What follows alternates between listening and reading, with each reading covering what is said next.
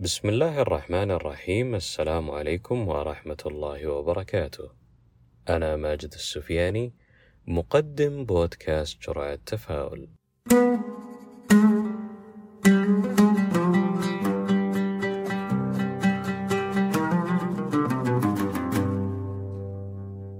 من الجيد أن تكون علاقاتنا مع الناس علاقة طيبة، سواء كانوا أناس مقربين كالوالدين أو الإخوان أو الأصدقاء أو غيرهم، أو أناس لا نعرفهم ولكننا نتعامل معهم في حياتنا اليومية الطبيعية. وأمر جميل ومحبذ أن نترك انطباع طيب عن أنفسنا أمام كل شخص نقابله.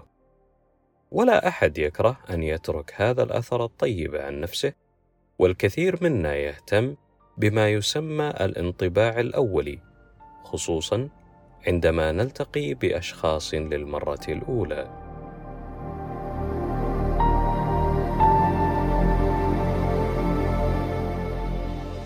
ويبقى هذا الحرص على ترك هذا الانطباع أمر جيد ومفيد إلى أن تصل إلى حدود معينة قد يتجاوزها البعض ظنا منه أنه يحسن لنفسه ويبالغ في المحاولات لنيل رضا الناس حتى على حساب نفسه. فتجده دائما مشغول بما سيقول الناس عنه أو بما يعتقده الأشخاص الآخرين ويشعر بالذنب عندما يقول لا لشخص آخر. ويفعل أمور يكرهها ولا تتقبلها نفسه فقط لإرضاء الآخرين. فيكون ظالم لنفسه ومنعدم الثقة بها وشعوره بالنقص يجعله مبالغا في حرصه على رضا غيره.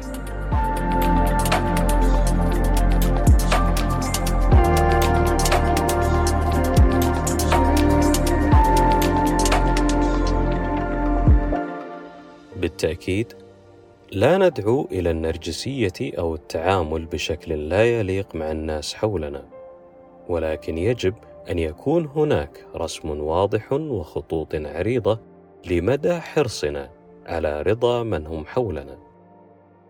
وهذا لا يعني أن من نتعامل معهم هم بالضرورة أناس سيئين.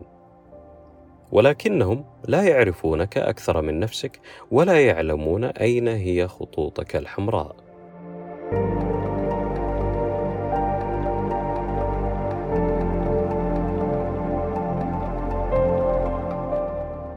من الصعب أن نخلق لأنفسنا أجواء مشحونة بالقلق والتوتر وعدم الحرية وقد تصل إلى الاستغلال أحيانا. بسبب أننا نحب أن نرضي الآخرين مهما كلف الثمن. فبدلا من خلق هذه الأجواء يجب أن نركز على أنفسنا ونرضيها أيضا فهي لها حق علينا.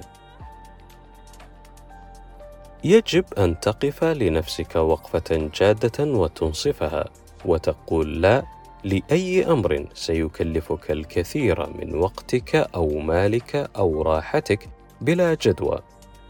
ولا تلتفت لما قد يقوله الناس عنك طالما أنك على حق وأنصفت نفسك. وكما قال الدكتور غازي القصيبي رحمه الله لا قيمة لآراء الناس ما دامت أفعالك تمنحك ضميرا مرتاحا.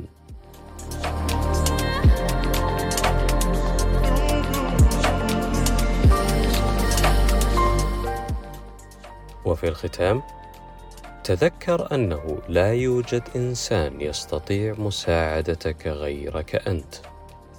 وهذه جرعة التفاؤل اليوم وأنا ماجد السفياني. والسلام عليكم ورحمة الله وبركاته.